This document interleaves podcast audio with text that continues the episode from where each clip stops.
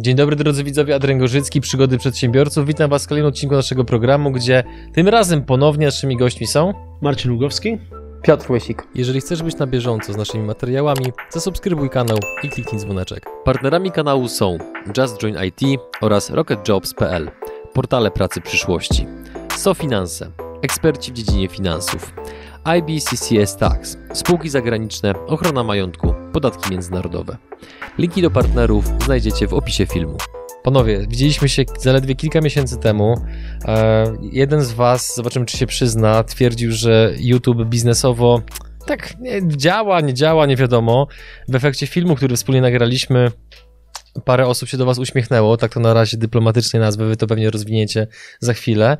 Ale opowiadajcie, jak tam y, biznes awokado w Kambodży. Bo też jeszcze taką tam dygresję, że zanim do, do nas przyszliście tego, te, przed, przed tym pierwszym odcinkiem, no to ja byłem trochę przerażony, bo mówię, kurczę, tak egzotycznego tematu i jeszcze nie mieliśmy. I byłem sam ciekaw, jak zareagują widzowie, no ale po tych kilku miesiącach e, i też po tych humorach, które mieliście przed nagraniem, mam nadzieję, że w trakcie nagrania również to będzie widoczne, okazało się, że e, efekt był chyba dobry. Adrian, odpowiem tak, nieskromnie. E, biznes wyskalował. Odcinek zrobił nam bardzo dobrą robotę. Ja to nazywam taką trampoliną troszeczkę do, do biznesu, do rozwoju, bez wątpienia.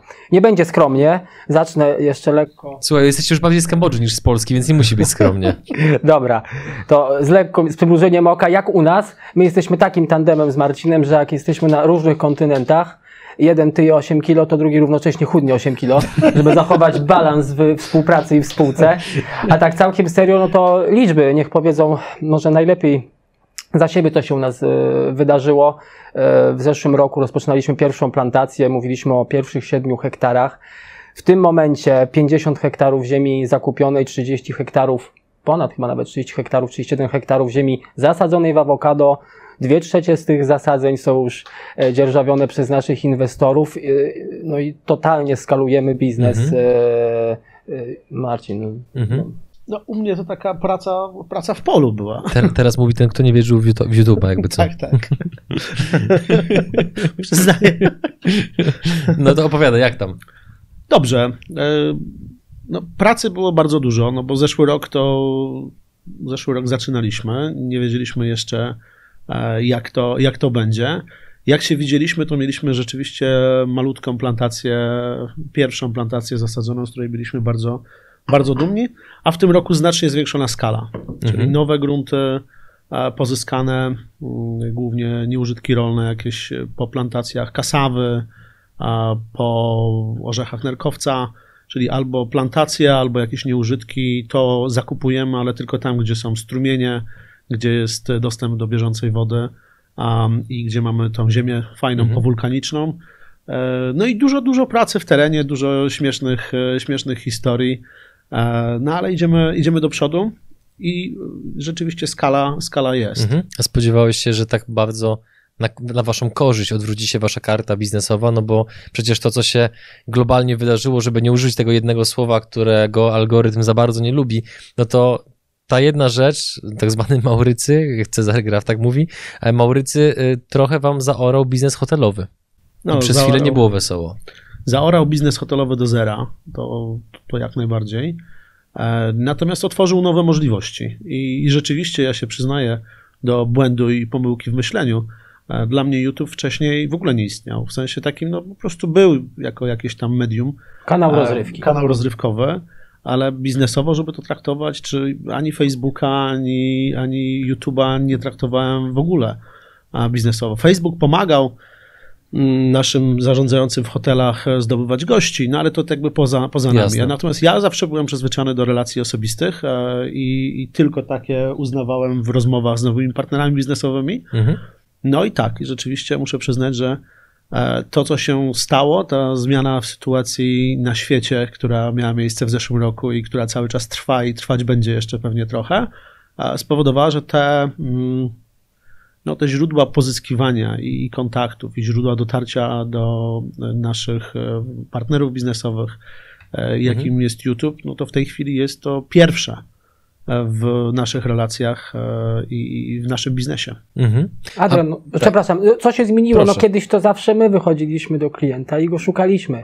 Przedsiębiorcy, inwestora. Mamy ten przywilej od roku, bardzo przyjemne, że tutaj odwróciła się trochę ta rola. Do nas spływa bardzo dużo zapytań od osób, które gdzieś nas zobaczyły na YouTubie. Co ciekawe, docieramy nie tylko do Polaków mieszkających w Polsce, tylko mamy bardzo silny zespół inwestorów e, Polaków, którzy od lat mieszkają za granicą, gdzieś mhm. w Europie albo nawet dalej mają specyficzny światopogląd, są dosyć otwarci na to, co nowe i bardzo im ten agrobiznes w Kambodży, która nie jest dla nich odległa ani mentalnie, ani geograficznie, e, pasuje, a weryfikują nas poprzez YouTube'a, po raz mhm. kolejny będziemy to podkreślali, bo to jest dla nas coś, co no, to nas zaskoczyło, że mhm. to jest już ten etap, że być e, rozpoznawalnym e, w medium, takim jest YouTube, na kilku kanałach, wśród kilku znanych ludzi, buduje takie zaufanie, że łamiemy bariery. No i też trzeba pamiętać o tym, że w momencie, kiedy się bardzo mocno eksponujecie w medium, jakim jest YouTube, no to też zwiększacie swoją transparentność i wiarygodność, no bo gdybyście mieli coś do ukrycia, no to raczej twarzą byście nie świecili, tylko byście wysłali jakiegoś rzecznika prasowego, czy jakiegoś pana od PR-u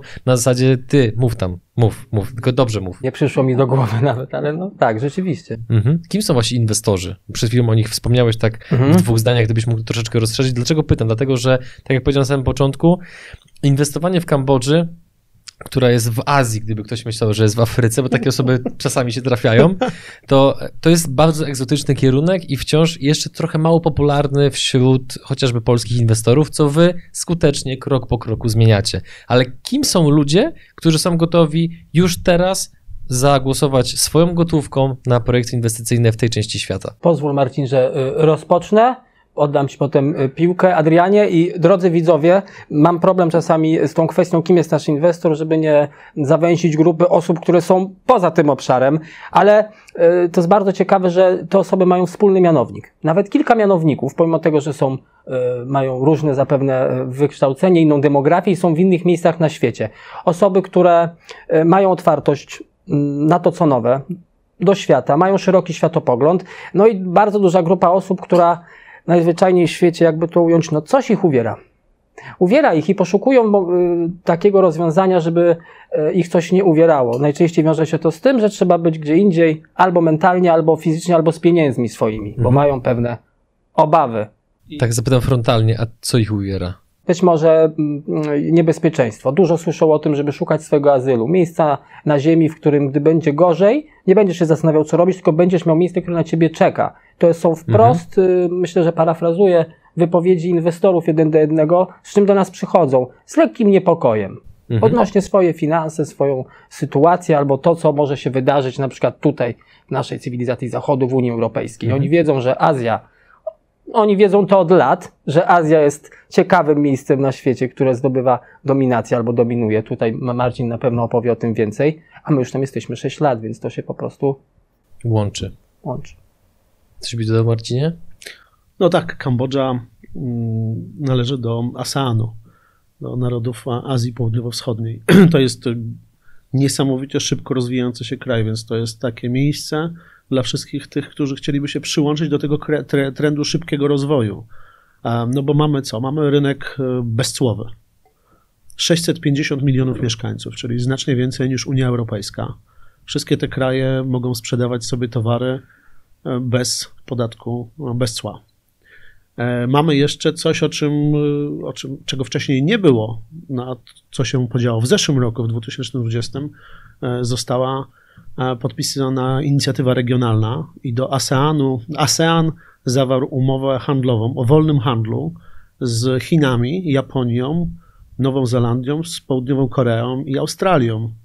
No i ona będzie teraz wchodziła w życie, ale mamy, de facto stworzył się największy na świecie rynek wolnej wymiany towarów, mhm. bezpodatkowy. Um, i, I o tym nie pamiętamy, o tym często gdzieś tam skupieni na na tym, co się teraz dzieje i, i czym media nas zasypują, e, no nie zauważyliśmy. I to będzie rynek dwa razy większy, jeśli chodzi o PKB produkowane, niż e, rynek e, Unii Europejskiej. Macie takie poczucie, że jesteście na desce surfingowej i taka no, znacząca fala właśnie się w waszym kierunku zbliża, czy nie? Jak najbardziej. My chyba jesteśmy na początku tej fali, to się zaczyna. Ja chciałem powiedzieć, że ja czuję. Prędkość, tą falę, dobry kierunek i to, że te poprzednie biznesy miały swoje ograniczenia wybudujesz hotel, restaurację, no i i co dalej, tak? Nie jesteś w stanie też prowadzić takich biznesów 20-30 równocześnie, bo to jest po prostu trudne w zarządzaniu i w, w zwykłej eksploatacji. Agrobiznes, to co, to, co tworzymy, no, jest bardzo skalowalne yy, i będąc całkowicie otwartym z Tobą, z widzami, no to to jest biznes, który nas już łączy z Kambodżą na, na nasze mhm. lata dojrzałości i na naszą starość. Mhm. Mówiąc w wydaniu nawet y, naszych przyjaciół, naszych rodzin i w ogóle takiego miejsca na ziemi, w którym będziemy chcieli być o wiele częściej niż pewnie tutaj. Mhm. Bo inwestorzy już to robią. A gdybyście mieli skomentować to, biorąc pod uwagę to, o czym rozmawialiśmy przed nagraniem, a propos tego, że właśnie miliarderzy ostatnio, ostatnio zaczęli bardzo mocno inwestować właśnie mm, w e, taki agrobiznes, to wy się inspirujecie bardziej nimi, czy oni wami? Jak to jest? Wow! Macie kontakt z Gatesem, czy nie? Nie odbiera. Ja myślę, że to jest trochę tak, jak mamy jakiś samochód. Jak go jeszcze nie mamy, to nie zauważamy, że on jeździ po ulicach. Jak go mamy, to mhm. nagle zauważamy, że inni też go mają. I to troszeczkę było tak, bo te rzeczy się podziały równolegle. My zainwestowaliśmy i, i, rozpoczęliśmy naszą aktywność biznesową. Tak naprawdę włożyliśmy wszystkie, wszystkie ręce na pokład w maju 2000 2020 e, roku. W agrobiznes, w agrobiznes. Mhm. E, I w międzyczasie, nie wiem kiedy to było, Na tak, te, ten pojawiły okres. się artykuły. W międzyczasie, no kilka miesięcy później, pojawiły się artykuły na przykład o tym, że Bill Gates skupił ile tych hektarów? Jakieś takie ogromne. No, stał się największym rolnikiem y, świata, właścicielem gruntów pod uprawy. Zaraz szukamy dalej informacji. Jeff Bezos też idzie w agrobiznes. E, to, to, Ted Turner. Ted Turner. To, co oni tłumaczą, to jest w gruncie rzeczy ochrona kapitału w realnej wartości. Pamiętajmy, że agrobiznes wiąże się z nieruchomością, czyli ziemią, czyli wracamy do jakichś tam korzeni, fundamentów mhm. zabezpieczenia e, kapitału I, I, gdy czasami ktoś myśli Kambodża, awokado, dosyć abstrakcyjny temat, ja mówię hola hola. Po prostu ziemia w szybko rozwijającym się kraju z ekstra produktem, który my obsługujemy. Tak na to patrz. Mhm. Tak też Marcin mnie tym zarażał jeszcze lata temu, gdy myśleliśmy w ogóle o awokado agrobiznesie. Czyli dwa, nurt tego, że gdy jest na świecie gorsza koniunktura, większy kryzys, przestój, recesja, no nie chcę tutaj, nie jestem ekonomistą, nie, nie chcę tutaj tworzyć scenariuszy, które być może się zaczęły albo się wydarzą, no to mówi się o tym, że produkcja dobrej żywności w miejscu, w którym jest, Kambodża jest fabryką na, na Azję, na, na ASEAN teraz, to po prostu jest mhm. dobry pomysł. Dzięki, że jesteś z nami i oglądasz nasze filmy. Chcielibyśmy przekazać Ci krótką informację. Przygody przedsiębiorców to nie tylko wywiady. Na co dzień zajmujemy się przede wszystkim wideomarketingiem na YouTube. Jeśli chcesz, aby Twoja firma zaczęła generować lidy z platformy, która zrzesza ponad 20 milionów użytkowników w samej Polsce, to wejdź na przygody.tv i sprawdź, jak możesz z naszą pomocą skorzystać z potencjału YouTube'a, zanim zrobi to Twoja konkurencja. Drodzy widzowie, taka informacja dla Was. Nie będziemy tak dokładnie wchodzili wszystkie, we wszystkie szczegóły e, biznesu e, Marcina i Piotra, ponieważ to omawialiśmy szerzej w poprzednim odcinku, do którego link właśnie się pojawia w prawym górnym rogu e, Waszego ekranu, więc tylko żebyście po prostu wiedzieli i się nie dziwili, że pewnych kwestii nie drążę, no bo po prostu nie chcę tego materiału powielać. Panowie, idąc dalej, w kontekście awokado, e, jak robiłem research przygotowując się do tego odcinka, research, takie ładne polskie słowo, po, pozdrawiamy purystów językowych, mm, trafiłem na informację, że niektórzy zarzucają, że awokado jest biznesem nieekologicznym i powoduje no, dość duży koszt dla środowiska. Jak byście to skomentowali? Ja bym się zgodził z tym, że w wielu przypadkach tak jest. To znaczy mamy kraje Ameryki Południowej, Chile chociażby, gdzie e, sadzi się awokado i przekierowuje się tam bieg rzek. Wysyła, wysychają całe doliny i, i ludzie tracą e, no tak naprawdę możliwość uprawiania swojej ziemi w małej, w małej skali. I to jest problem Ameryki Południowej, ogromny problem Ameryki Południowej. I Brak warunków, nie można, bo nie ma warunków. Nie ma tak? warunków, jest zachłanność biznesowa, dobry model biznesowy powoduje, że no w miejscu, w którym nie ma opadów, ludzie próbują hodować awokado, które potrzebuje jakiejś tam ilości wody. Wybacz, bo to tak mhm. wybrzmiewa bardzo często w rozmowach z inwestorami, więc e, mhm. mamy na to oczywiście przygotowany pełen pakiet informacji, a ty spędziłeś przy sadzeniu pół roku, więc przepraszam, nie przerywam. Nie, nie, dobrze mówisz, bo to, to właśnie tak jest. To jest bardzo dobry biznes, i wiedzą o tym ludzie w Ameryce Południowej, e, jakby w wielu, w wielu krajach Ameryki Południowej. Kartele Jest, też o tym wiedzą. Jak najbardziej tak. E, w Meksyku e, to właśnie kartele stoją za wycinką lasów pod uprawy awokado. No my, my nie mamy tego, nie, nie jesteśmy w ogóle w tym, w tym zjawisku. No, w żaden sposób nas to zjawisko nie dotyczy. To, co mamy, w, z, czym, z czym mamy do czynienia w Kambodży.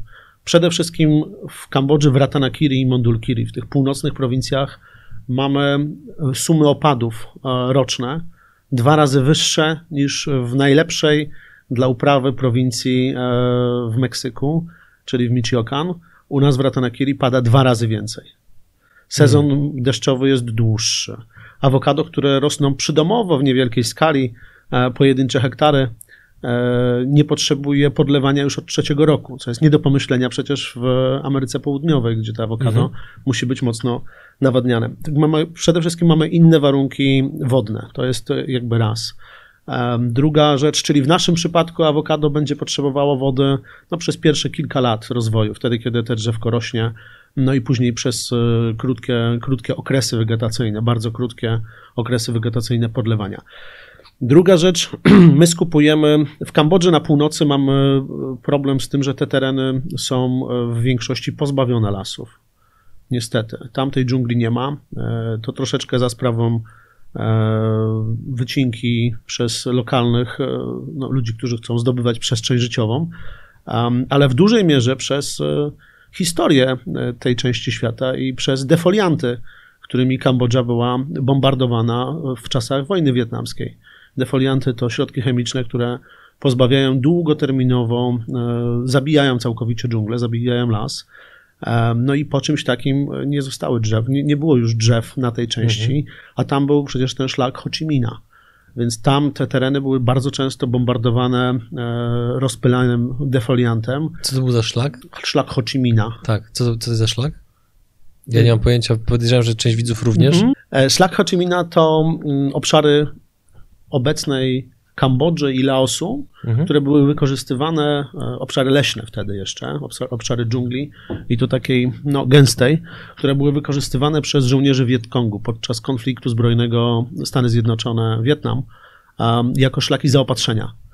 Oni, żeby unikać e, bombardowań na terenie, e, na terenie Wietnamu, wykorzystywali te tereny pogranicza z Laosem i z Wietnamem, z Laosem i z Kambodżą.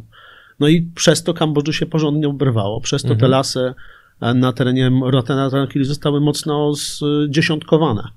I później oczywiście po tym, jak działania wojenne się skończyły w latach 70., no, miejscowa ludność zaadoptowała te puste obszary e, do swoich, e, okay. do, do rolnictwa.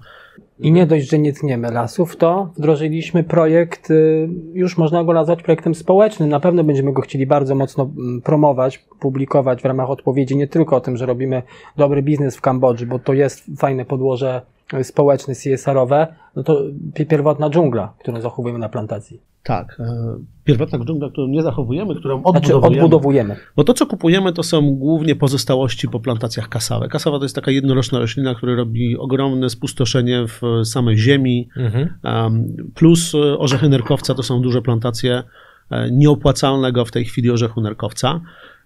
Więc to oczywiście czyścimy. E, część przeznaczamy pod plantację awokado, a część na części, na 10% dokładnie, to mniej więcej 10, znaczy nigdy nie mniej, ale zawsze, zawsze często więcej, odbudowujemy w ogóle naturalny ekosystem, odbudowujemy dżunglę. E, mamy naszego kolega Lorena, e, biologa francuskiego na miejscu, mieszkającego w Mondulkiri, który nas wspiera mocno w tym procesie. Pokażemy z tego filmy, to za chwilkę o tym powiem.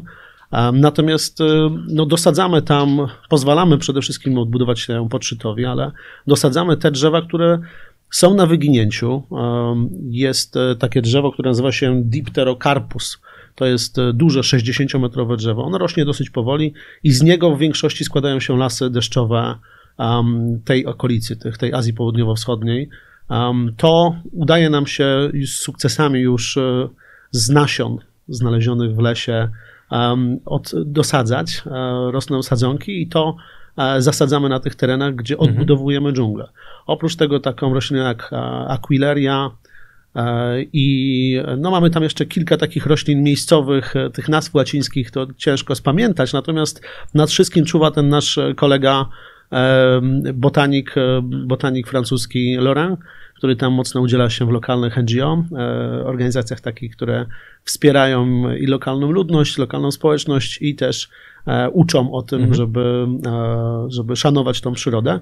Więc mamy już z tych, z tych wszystkich hektarów, z tych powiedzmy 30 hektarów, a w okolicach 3 hektarów to jest dżungla, którą której jesteśmy w tej chwili w procesie jej odbudowy. Znaczy, jeszcze nie jest dżungla, są to tereny nieużytków, e, tereny, gdzie już tam troszeczkę porosło, ale gdzie będzie za, za rok, dwa lata, trzy lata już widać mhm. nasze efekty naszej, naszej pracy pod kątem ekologii i troszeczkę wykorzystujemy to też pod to, żeby uczyć miejscowych, że ta przyroda naturalna jest ważna. Mhm. Te drzewa wysokie, które tam e, rosną, one zapewniają, e, zapewniają lepsze warunki wodne też. No, ta woda głębiej wnika w ziemię, dłużej zostaje. Czyli ta odbudowa tych naturalnych ekosystemów jest ważna no, dla przyrody na pewno. Ale też biznes wzmacnia. Ona nam bardzo wzmacnia biznes, bo e, my potrzebujemy do awokado e, naturalnego zapylania, czyli potrzebujemy pszczół. Zaprosiliśmy kolegę Adama, pasieka paproć z Polski, znawcę pszczół, ma 300 uli e, w Polsce, przyjeżdża do nas w październiku i zaczyna trzymiesięczny proces na tych obszarach, które tam odbudowaliśmy, zakładania pasiek, e, tak żebyśmy mieli docelowo pszczoły, które będą pomagały w zapylaniu. Te obszary leśne, które tam tworzymy, my je ogrodzimy, i to będą też obszary naturalne występowania ptactwa, no, czyli będziemy mieli mniej szkodników. I to jakby taka bioróżnorodność pomaga mhm. w plantacjach. Czyli w sumie taką tworzycie no, trochę symbiozę, no bo tak naprawdę dbacie o przyrodę właśnie dzięki pieniądzom z biznesu, ale te pieniądze z tego biznesu dbając o przyrodę powodują, że przyroda dba o wasz biznes. Taki zrównoważony rozwój, jak to się Świetnie teraz modnie to, nazywa. Świetnie to ująłeś. Czyli raz na, raz na kilka dni, na tydzień trafiają do nas inwestorzy, którzy no i nie bagatelizujemy tego, że awokado ma swoje mroczne aspekty i dochodzi do wielu nadużyć. E, Adrianie, drodzy widzowie, robimy to zupełnie inaczej, a w e, gruncie rzeczy to, w jakim ujęciu to robimy społecznym, ekologicznym, to na końcu bardzo nam pomoże to, że to robimy w Kambodży, no przecierać mhm. nowe szlaki, tak, inne agrobiznesu, bo przecież zostawiamy jakiś po sobie ślad jako inwestorzy, którzy rozpoczynają coś nowego w Kambodży, czyli mhm. plantacje komercyjne, awokado i od razu robimy to, y, no powiem to otwarcie, robimy to dobrze, no. Robimy mhm. to zdrowo i dobrze i mamy na to wiele przykładów. Zapraszamy też oczywiście zaraz do Kambodży. Pokażemy to. Nagrywaliśmy też krótkie materiały filmowe bezpośrednio, y, gdzie Marcin tłumaczy, jakie gleby, jak dbamy o ten ekosystem, co się wydarzy, gdzie ta pierwotna dżungla będzie się odbudowywała. A powiedzcie, bo y, sam kierunek, miejsce jest egzotyczne, ale egzotyczna jest jeszcze jedna rzecz w waszym przypadku – to, że macie bezpośredni kontakt z władzami Kambodży, które są wam przychylne i które was wspierają. I teraz dlaczego to jest istotny wątek? Między innymi dlatego, że dla większości przedsiębiorców w Polsce taki kontakt z władzami to jest w ogóle jakiś poziom abstrakcji, który osiąga się prawdopodobnie po kwasie.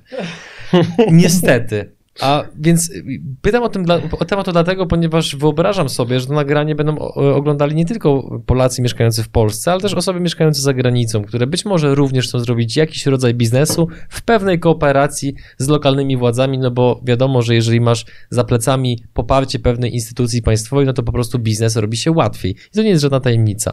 Więc teraz po pierwsze, jak się pracuje, jak się tworzy biznes mając wsparcie e, władz w zdrowy sposób oczywiście, nie mówimy tutaj o żadnej korupcji ani tego typu rzeczach, tylko jak, jak się robi biznes mając wsparcie władz, to jest raz, i dwa, jak takie wsparcie pozyskać? Ja zacznę tak przewrotnie. Często dostajemy pytania, ja dostaję pytania, jak jest w Kambodży? Czym się, czy, w czym jest podobna do Polski? Najczęściej po dłuższej wymianie zdania albo dłuższym milczeniu pada stwierdzenie, no łatwiej mi jest powiedzieć, czy, to, czy cokolwiek nas łączy w gruncie rzeczy. Tak bardzo jak Polacy są kochani przedsiębiorcy w naszym kraju, to wprost proporcjonalnie tak bardzo naprawdę przedsiębiorcy są e, potrzebni i są e, otaczani szeroką opieką i wsparciem e, w Kambodży. Marcin no, przeciera te szlaki od pięciu lat.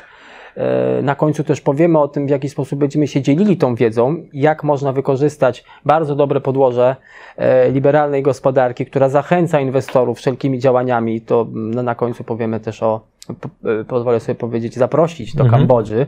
E, opowiem, dlaczego taki wyjazd jest ciekawy i co się z tym wiąże, ale no podłoże jest e, mm, tak, jak mówiliśmy też w pierwszym odcinku, pozwala bardzo szybko budować nowe biznesy, generować. Pieniądz lubi prędkość wszędzie, a tym bardziej nie lubi tych postojów, które są niezrozumiałe często, gdy czekamy na coś, ale nie wiemy na co i mamy sprzeczne interpretacje. No to, to, to możesz chyba wprost powiedzieć, jak to wygląda w Kambodży, tak no, Gdybyśmy mieli porównać Polskę do Kambodży, to chyba to było najbardziej podobne do wizji polskiej ministra Wilczka.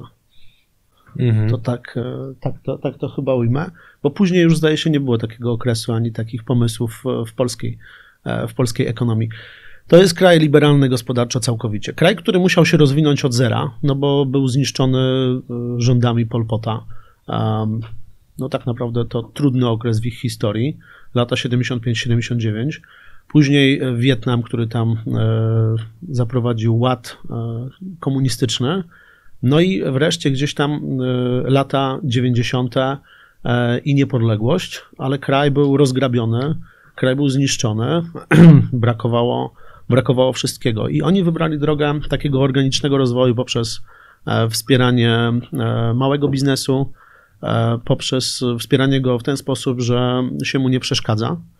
E, Więc mamy sytuację, gdzie wszyscy Kambodżanie, którzy prowadzą małe działalności gospodarcze, nie są objęci podatkiem dochodowym e, przy prowadzeniu działalności gospodarczej. Czyli I mówimy, tutaj nie ma żadnego haczyka w tym? nie, absolutnie. Nie mówimy o omijaniu, tylko Mhm. mówimy o prawie obowiązującym. Mhm.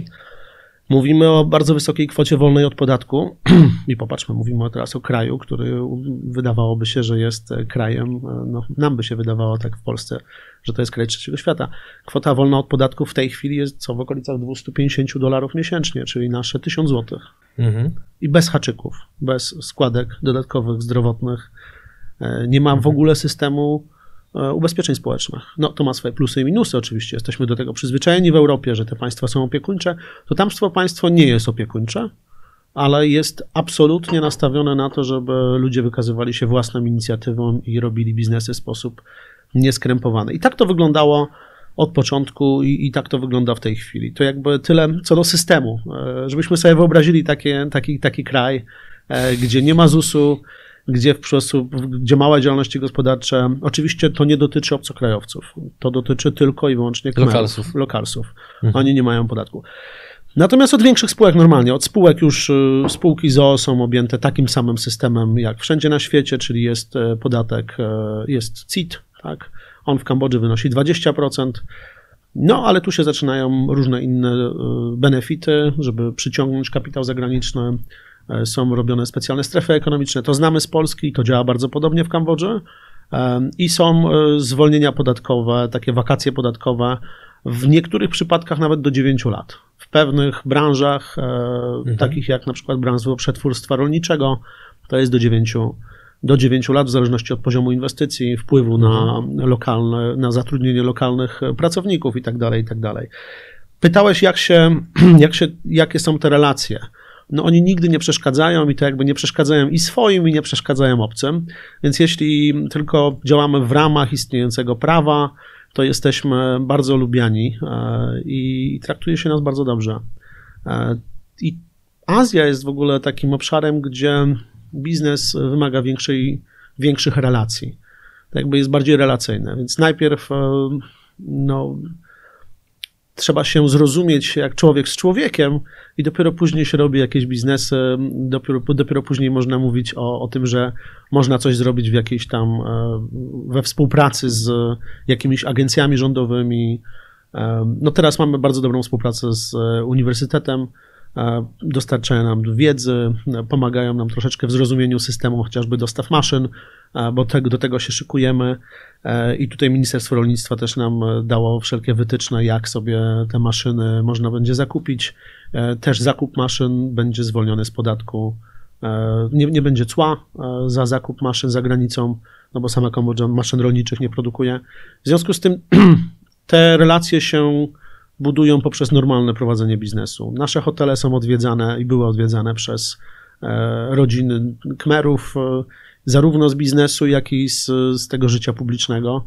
No więc w taki sposób się poznajemy i gdzieś zaczynamy razem e, egzystować, współ, współegzystować w tym kraju. I, I myślę, że to jest fajne. My jesteśmy w ogóle fajnie odbierani. Polacy są dobrze odbierani w Kambodży. Nie kojarzymy im się z niczym złym. Okej, to jest ważne. No, jak już się nie kojarzymy z niczym złym, no to już teraz mamy łatwą, łatwą karta, pracę. żeby robić karta. przede wszystkim na relacjach, dobre wrażenie.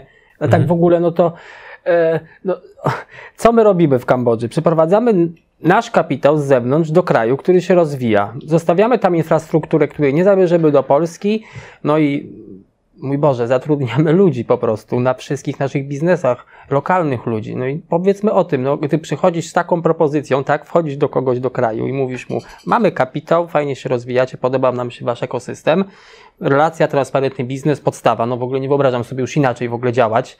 Jesteśmy w stanie odmówić, gdy nie ma relacji biznesu tutaj gdzieś w Europie, w Polsce. Nie, nie mam z tym teraz już żadnego problemu, gdy nie czuję tej chemii. No i co? Na końcu coś wam wybudujemy i zatrudnimy waszych ludzi.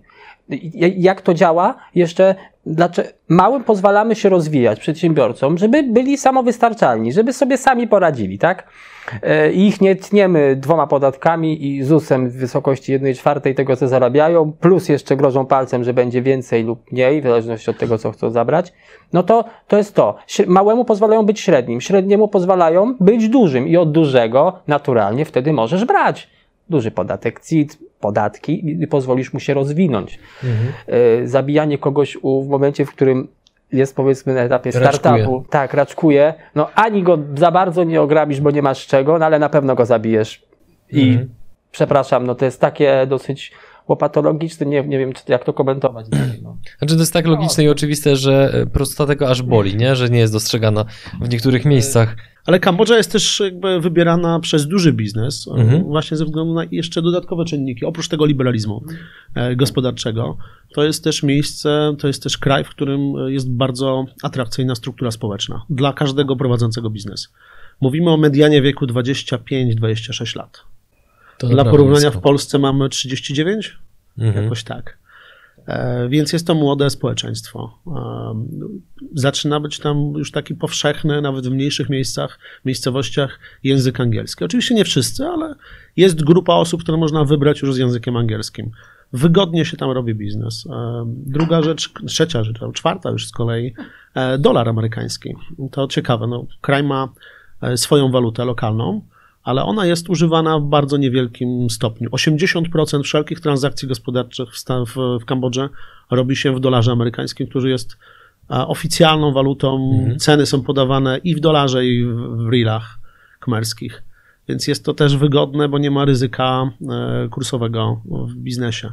A gdybyś miał wymienić chociaż jeden minus, na który musi się przygotować potencjalny inwestor, który chce się udać do Kambodży, być może nawet nie minus, ale być może jakaś odmienność kulturowa, jakaś specyfika e, regionu, to na co powinien się przygotować? no, odmienność kulturowa jest ogromna. To takie no, przypadki, przykłady. E, Bardzo trudno e, komuś, kto jest z Europy, współpracować na początku z lokalnymi pracownikami.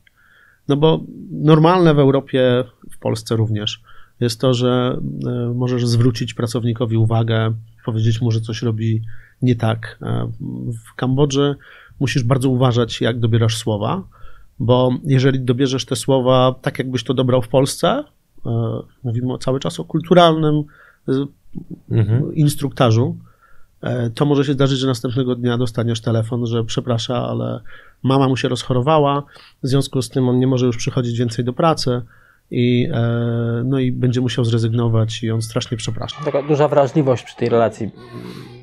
Ale z czego, z czego to wynika? I inna kultura zupełnie. To jak się zwracać, żeby kogoś nie urazić? No tak właśnie bardzo delikatnie. Tak trzeba to wszystko sobie usiąść i przegadać, y, jak trochę jak u nas z dzieckiem bardziej. Taka dużo większa, stanowczo dużo większa wrażliwość y, Mhm. i, i też em, jest w, no, w, tych, w, te, w tych relacjach takich z pracownikiem jest coś takiego i w ogóle w relacjach biznesowych jak utrata twarzy. Czyli jeżeli ten pracownik e, poczuje się, że rzeczywiście złapałeś go na czymś złym za rękę, e, no to w Polsce musiałbyś się pewnie ciągać po sądach i, i różne cuda. No tam e, wystarczy, że to powiesz, słuchaj, złapałem cię na wiem, kradzieży albo czymś e, i, i już więcej nic nie musisz. Następnego dnia masz jego wypowiedzenie na biurku. Hmm. Czyli zupełnie inny, inny sposób e, no to, to A jak wygląda, związane z jak wygląda zaangażowanie pracowników, jeżeli chodzi o pracę? No bo wiek, o którym powiedzieliście, on faktycznie jest pod wieloma względami atrakcyjny, ale jak wygląda właśnie z zaangażowaniem? No bo taka we mnie pojawiła się potencjalnie wątpliwość, że jak ktoś jest aż tak bardzo wrażliwy na sposób komunikacji, na całą semantykę, to nagle się może okazać, że jak mu powiesz, słuchaj, chciałbym, żebyś jutro był pół godziny szybciej, no to nagle mu się mama rozchoruje. Więc jak wygląda ich właśnie etyka pracy? Są zaangażowani, czy raczej, czy się stoi, czy się leży, 2000 się należy? To nie ma co generalizować, jest różnie, z różnymi ludźmi. Mhm.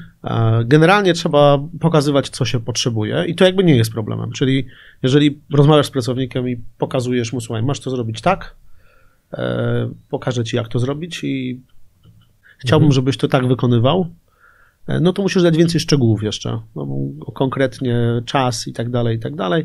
Jeżeli dobrze zrobisz ten instruktaż, mhm. E, to pokazanie czegoś, tak ma to być zrobione, to jest ok.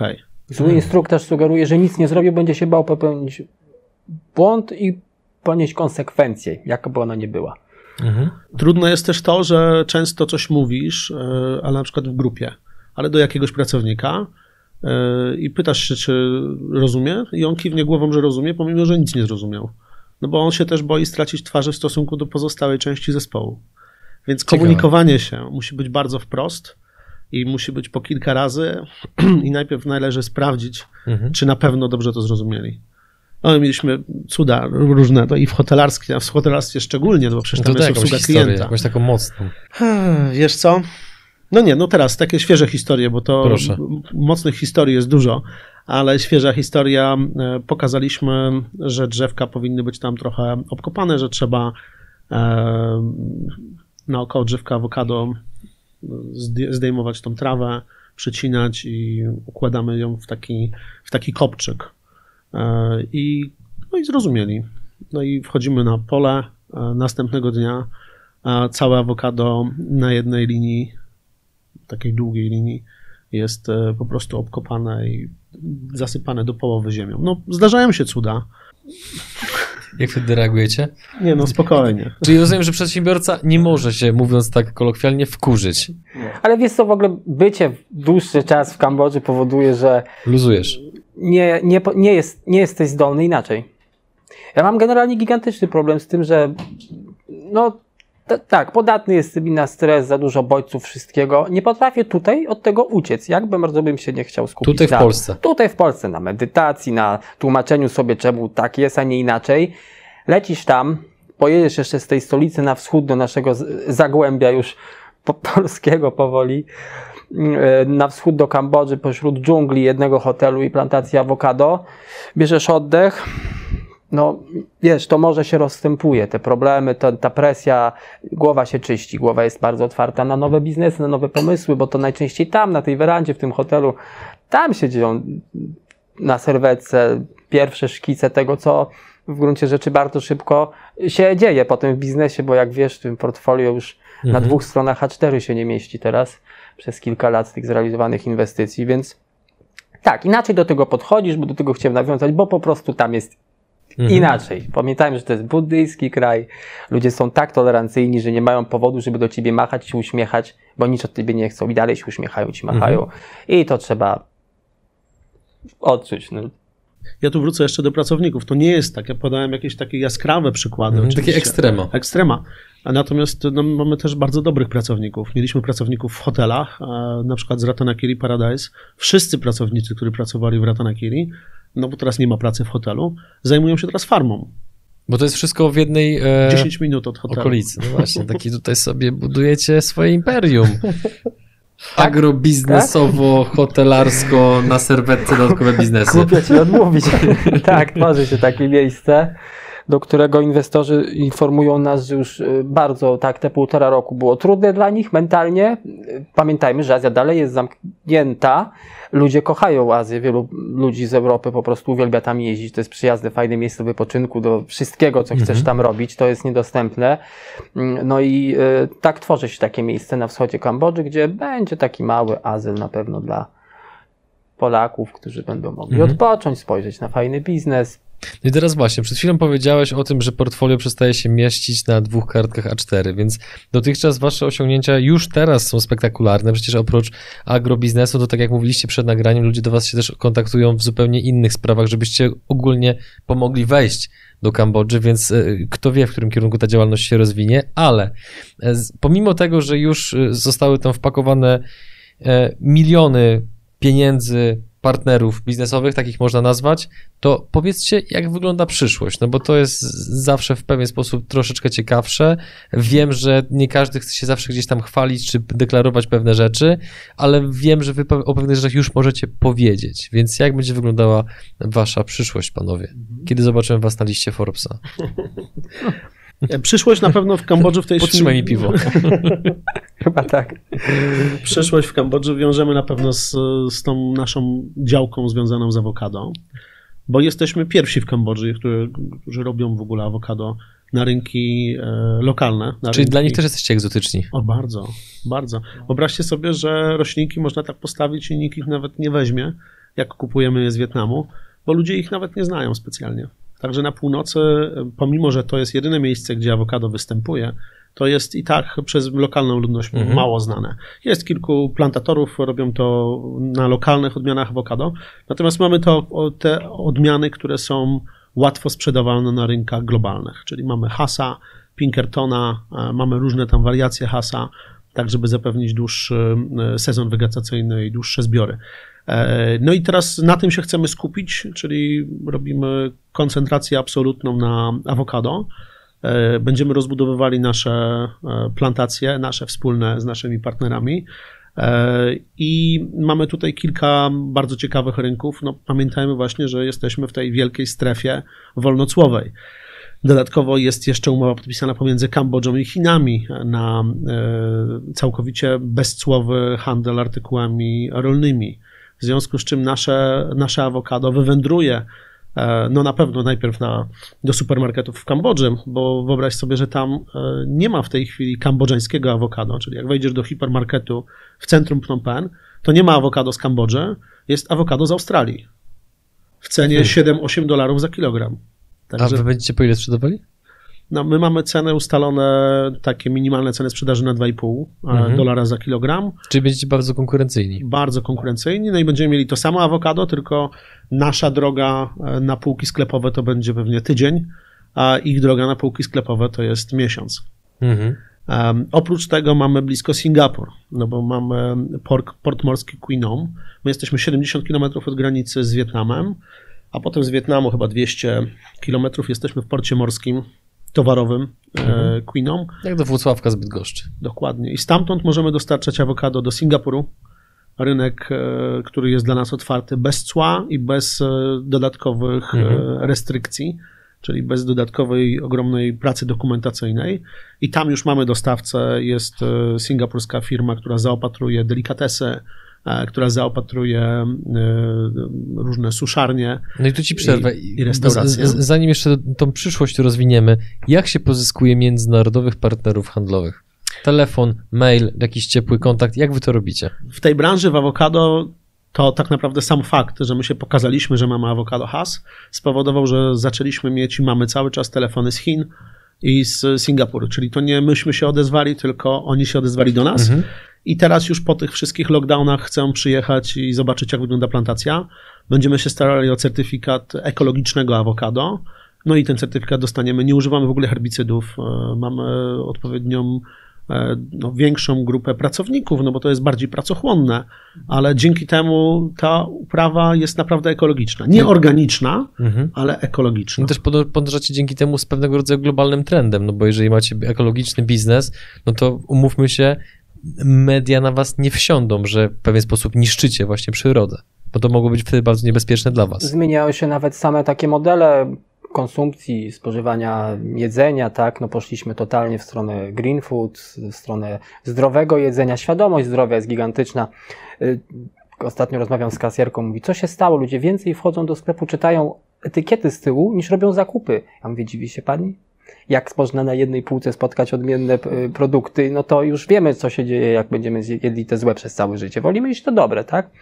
te zdrowsze, te nieprzetworzone i tak dalej. Więc no nam światowy trend totalnie e, Wieje w żagle. wieje w żagle. Pytałeś się tak jeszcze, gdzie, gdzie my zmierzamy. No, będziemy pędzić otwarcie. No.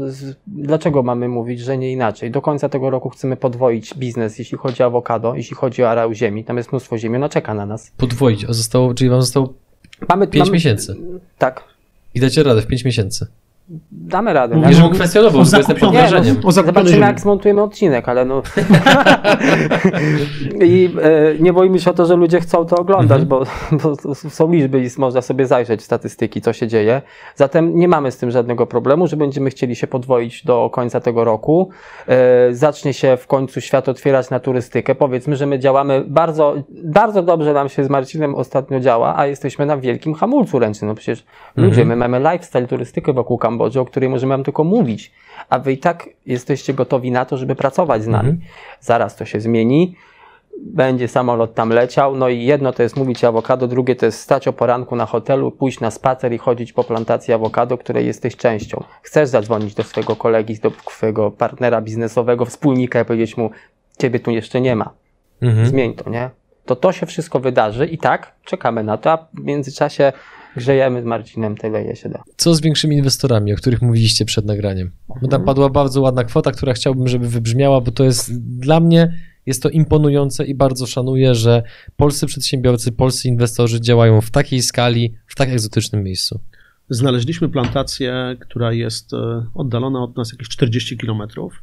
To jest plantacja kauczukowca i w tej chwili przygotowujemy, no już przygotowujemy to nawet e, za, za skromnie, przygotowaliśmy projekt e, możliwości zakupu tej plantacji przez jednego lub kilku dużych inwestorów.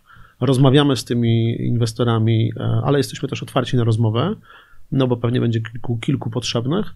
Um, mamy plantację kauczukowca. Jest plantacja kauczukowca, którą można kupić, e, która jest w bardzo dobrym stanie. Funkcjonująca cały, teraz w tym momencie, która przynosi z dnia na dzień. Jak cena? biznes 8,5 miliona dolarów. To jest to, to, co jest w tej chwili. Jaki tam Plus był areał? Pamiętasz? 700 hektarów. No, to jest już, Mhm. no to jest ogrom. Mhm. Tak do horyzontu się zaczyna łamać, rozmywać i się koniec pola. Piękna ziemia, bo e, andozol powulkaniczny, taka czerwona, bogata w substancje, w te, te wszystkie substancje odżywcze ziemia. E, 700 hektarów e, plantacji to jest ogrom. Tam pracuje, Mhm. tam jest 120 rodzin. Pracuje e, iluś tam pracowników, e, no powyżej 120 pracowników na plantacji e, na co dzień. Mieszkają tam, mają tam swoją szkołę, e, dzieci mają szkołę podstawową na plantacji, jest punkt medyczny na plantacji, czyli mówimy o, e, i to jest tak zawsze w Kambodży, że jak się robi większe plantacje, to przygotowuje się ten, te zaplecze społeczne, żeby ludzie się tam mogli wprowadzić z rodzinami. Ale o to nie ma się- nic wspólnego, bo słowo plantacja może się niektórym kojarzyć trochę pejoratywnie i zakładam, że to nie ma nic wspólnego z jakimiś niegodnymi warunkami pracy i tym podobne. Okej.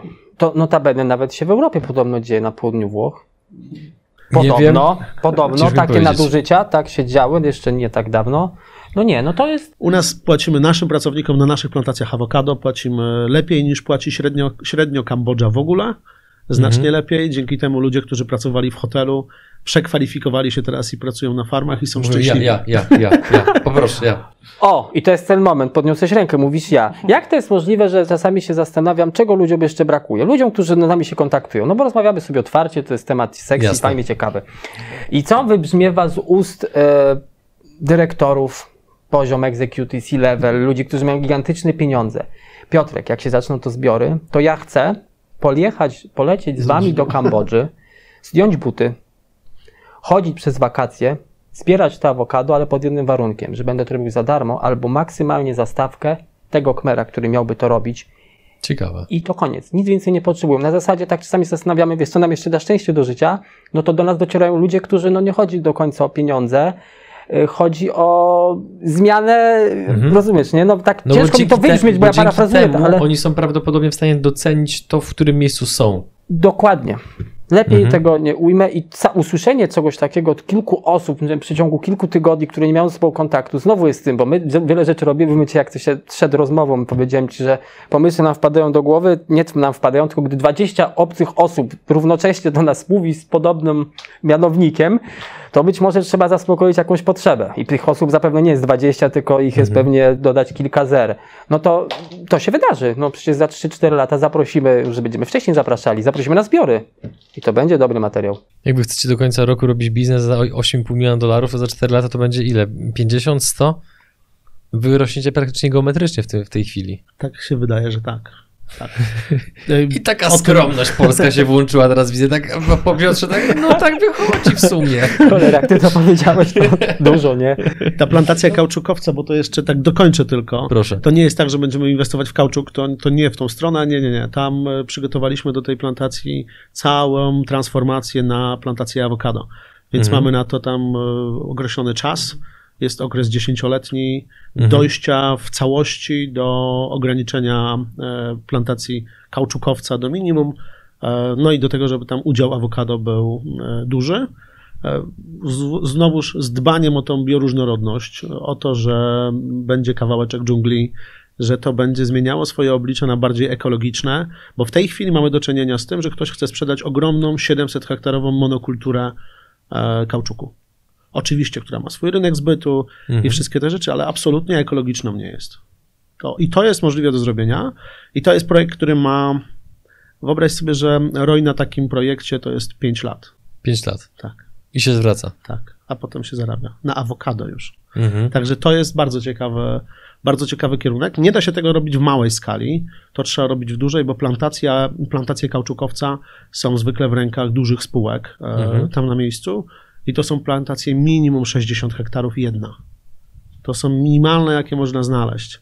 Więc najbardziej opłacalną drogą, to, to już sprawdziliśmy, jest transformacja plantacji kauczukowca, e, bo ona cały czas jeszcze przynosi e, przy stopniowym przerabianiu, że tak powiem, na awokado, cały czas przynosi ten poziom zwrotu, który jest normalnie z kauczuku, um, a y, i umożliwia jakby to, że w tych pierwszych latach e, to nie jest inwestycja o stopie zwrotu zero, tak jak to jest w przypadku awokado, no bo musi wyrosnąć, tylko że y, już są wypłacane zyski od pierwszego Na bieżąco. na bieżąco od pierwszego roku. Mniejsze, bo mniejsze, ale są. Czyli pieniądz pracuje szybciej. Czyli tu mamy taki, no to dla funduszy inwestycyjnych, dla większych Mhm. inwestorów e, i prywatnych, i korporacyjnych, to myślę, że to jest ciekawy, ciekawy temat. Takich farm mamy wybranych kilka. a W jedną mamy tak rozpracowaną na czynniki pierwsze, no i jesteśmy w trakcie, no myślę, że rozmów już takich finalnych z kilkoma inwestorami. Co z tego wyjdzie, zobaczymy, bo to nie jest nasz temat główny. Przygotowaliśmy to jako coś dodatkowego, żeby też dać. Taki e, poboczny projekcik za 8,5 bańki w dolcach. Ro, rozumiem, rozumiem Marcin, rozumiem. Panowie, dobrze się gada, ale musimy powoli kończyć, żeby tutaj e, nie przekroczyć e, godziny, którą mamy zaplanowane na, na to nagranie, pomimo, że pewnie moglibyśmy rozmawiać dwa razy dłużej, ale będzie jeszcze- okazja, Tak. myślę, bo biorąc pod uwagę tempo waszego rozwoju, to pewnie aktualizacja co waszych spraw będzie musiała się odbywać co pół roku, a za jakiś czas co kwartał. Tego wam życzę. Zaktualizujesz to z Kambodży, jak tam polecisz. To może Dobrze. też jest pomysł. Dobrze, Zapraszamy. Dobrze, do, dobrze. No, przecież już też, z- tak, dobra. Z, przy, z przyjemnością też chciałbym Amulet? y, uczestniczyć w zbiorach i też chciałbym ściągnąć buty. I też chciałbym pracować za stawkę y, dzienną właśnie e, dżentelmenów, którzy tam pracują na tym, na tej Bosko. plantacji. I teraz tak, wracając. Z czym zostawicie naszych widzów, panowie? Jasne. Dwie sprawy. Y, Po pierwsze, y, wspomniałem, drodzy widzowie, przedsiębiorcy, że mamy do Was pewną propozycję. To jest propozycja, która związana jest z wjazdem do Kambodży, bo wiemy, że delikatnie się już luzuje świat i to będzie możliwe. Luty, żebyście mieli czas jeszcze sobie solidnie zaplanować, bo gdzieś wakacje będziecie musieli spędzić. A te wakacje będą specyficzne, bo to jest wyjazd połączony z turystyką i z biznesem. Nazwałbym go nawet wyjazdem inwestycyjnym. Y, Jedziemy do Kambodży, mamy tam swoje projekty turystyczne, więc będziecie mieli gdzie mieszkać. Pokażemy Wam w pigułce najpiękniejsze miejsca mm, Kambodży, Angkor Wat też oczywiście. E, I co dalej? Zaprosimy Was do bardzo, zaprosimy Was po wiedzę. E, Między innymi na wyjeździe będzie jeden z naszych głównych partnerów biznesowych, mm, który bardzo mocno był związany z między innymi giełdą papierów wartościowych w Polsce i w Bukareszcie. On da nam gigantyczną wiedzę osobom, które pojadą na ten wyjazd w zakresie Kim jest ta tajemnicza ekonomii. postać? A myśleliśmy, że jak powiemy tak, żeby wszyscy wiedzieli bez podawania Ja nazwiska, wiem. to będzie ok. Okej, dobra. jeszcze nie Skoro chcielibyśmy, tak, Dobrze. jeszcze pozwolimy sobie tutaj na delikatną pauzę, e, czyli ta osoba nam powie generalnie o wszystkim tym, co jest związane z makroekonomią, z gospodarką, z rynkiem Azji, z poważną ekonomią, a na miejscu e, lokalni nasi partnerzy biznesowi, kmersy, którzy są e, radcami prawnymi, prawnikami, będą mm, mogli w stanie dać Wam bardzo, bardzo kaloryczną wiedzę odnośnie tego, jak robić fajne rzeczy biznesowe w Kambodży z nami. Mm, I jak to wszystko ubrać, jak zobaczycie, e, w jakiś biznes. E, Więc po taką wiedzę Was zapraszamy. Będziemy niedługo publikowali informacje o tym wyjeździe. On będzie trwał około dwa tygodnie. W Adrianie uśmiechasz się, jest miejsce. Dwa tygodnie grubo, no. Podoba mi się. E, No, będzie trzeba troszeczkę pozwiedzać, a troszeczkę budować relacje Mhm.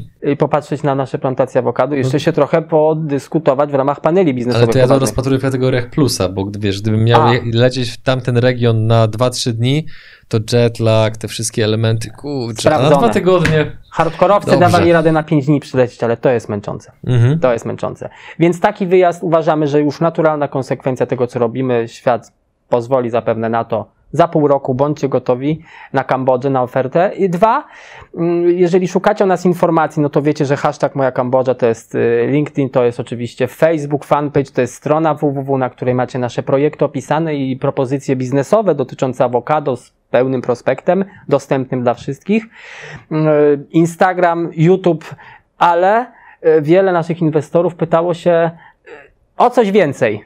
I tutaj e, bardzo jestem ciekaw właśnie, jak patrzę na Ciebie, Adrian. Jest propozycja i to już wykonaliśmy, będziemy niedługo o tym, niedługo zobaczycie tego efekty. Pojawia się poważny kanał, duży kanał YouTube'owy, bo my już wiemy, że to jest to miejsce, w którym ludzie chcą nas oglądać, a my mamy tam swoich e, po prostu przedsiębiorców. To Kolejni będzie- nawróceni. Jest. Kolejni, jest nas więcej. Plus dwa, tak? Tak. Do statystyki. Na pewno masz to gdzieś w swoim notesie. E, ten kanał Invest in Asia będzie kanałem, który będzie mówił o przedsiębiorcach polskich, którzy robią ciekawe biznesy w Kambodży. Będzie mówił o ciekawych e, mieszkańcach Azji, którzy robią fajne biznesy w Kambodży, perspektywiczne biznesy w Polsce. W międzyczasie pomiędzy serią wywiadów, bo pozwolimy ludziom, żeby e, mówili o tych, pokazywali, mm, opowiadali o tym, co, czy, czy, czego dokonali. E, Będzie też miejsce oczywiście na nasz content, czyli co robimy i co się dzieje teraz w Kambodży, jak rośnie nasze awokado. Program już jest i czekamy na emisję naszego pierwszego odcinka, więc Invest in Asia to będę ja, Marcin i nasi wspaniali goście, którzy mają fajne historie, przygody, mogę powiedzieć? No oczywiście, że tak. przygody azjatyckie. I to wybrzmiało, y, kwintesencją tego projektu jest to, że powiedziało nam kilka osób, naszych inwestorów, że chciałoby mieć dostęp do takich ludzi, słuchać ich, E, a zaczęło się to od tego, że od jakiegoś czasu osoby, które się nas zgłaszają, pytają się, czy mogły porozmawiać z jakimiś naszymi przedsiębiorcami, inwestorami i my te referencje stuprocentowo udostępniamy, więc zanim będziecie mieli ważne pytania, a będziecie chcieli posłuchać też o Kambodży, nie tylko ode mnie, od Marcina, to jest nas wiele już. Jest wiele takich osób i mam nadzieję, że to będą i wy też będziecie widzami takiego kanału, który dzieli się sukcesami Polaków w Azji i e, Azjatów. Ja jeszcze dopowiem, e, że jeśli chcielibyście zobaczyć, jak wygląda prowadzenie takiej farmy awokado, plantacji awokado, to w tej chwili nagrywa, nie publikuje jeszcze, ale nagrywa u nas e, Michał Pater, ka- kanał Autostopem na koniec świata. Jest z nami już trzy miesiące i zostanie no na pewno do października. E, Będzie też jego kolega, który właśnie pszczoły nam będzie tam instalował na, na plantacjach. Więc e, u Michała to niedługo będzie wszystko upublicznione i będzie widać, jak wyglądało jego życie z kolei, bo on na te kilka miesięcy przeniósł się u nas na farmę. Mieszka w, razem z pracownikami kambodżańskimi, z rodzinami tymi miejscowymi, e, w, w takich samych warunkach, e, Mhm. w takiej tradycyjnej chatce, która tam stała, jak kupiliśmy tą plantację. Pięknie. Więc będzie fajna historia. On, y, Michał, robi cały czas dla patronów takie krótkie daily u, u siebie na Patronite, także tam można zobaczyć jego, jego życie, no a wkrótce zobaczycie to już e, na kanale Autostopem na koniec. No do nas na backstage można zajrzeć po prostu, co się dzieje w ramach naszych biznesów, bo Mhm. YouTube pozwala na to, żeby pokazać trochę więcej. Dokładnie. Panowie, e, dziękuję wam za rozmowę. Cieszę się, że e, nawróciliście się względem e, kościoła YouTube'owego. Pół żartem, pół serio. Cieszę się, że wam biznes idzie. Cieszę się, że ta nasza rozmowa też ma zupełnie inną energię, uważam, niż miała poprzednio, bo poprzednio jednak ten poziom stresu był trochę większy, a teraz tutaj medialni, rozpoznawalni, wyluzowani. Super, to było bardzo dobra postawa dzisiaj, ponieważ dzięki temu mieliście większą swobodę, jeżeli chodzi o wypowiedź. Uważam, że podzieliliście się mnóstwem ciekawych informacji, zarówno z perspektywy waszych biznesów, ale też patrząc szerzej, jak się robi biznes w tej części świata. Więc dziękuję Wam za Waszą wiedzę, za otwartość i yy, drodzy widzowie, dziękujemy Wam za Wasz czas. Dzięki, że byliście z nami. Mamy nadzieję, że Wam się podobało i możemy na sam koniec zrobić tak zwaną listę obecności, czyli jeżeli dotrwaliście do tego momentu, to napiszcie w komentarzu, jaką branżę reprezentujecie, w jakiej firmie działacie, bądź jeżeli nie jesteście przedsiębiorcą, to jaki wykonujecie zawód. Ja się żegnam z Wami, dziękuję. Panowie, Dziękujemy dla Was. Dziękujemy, Adrian, dziękujemy. Zapraszamy. Pewnie widzimy się za kilka miesięcy znowu. Zobaczymy. Cześć. Cześć. Cześć.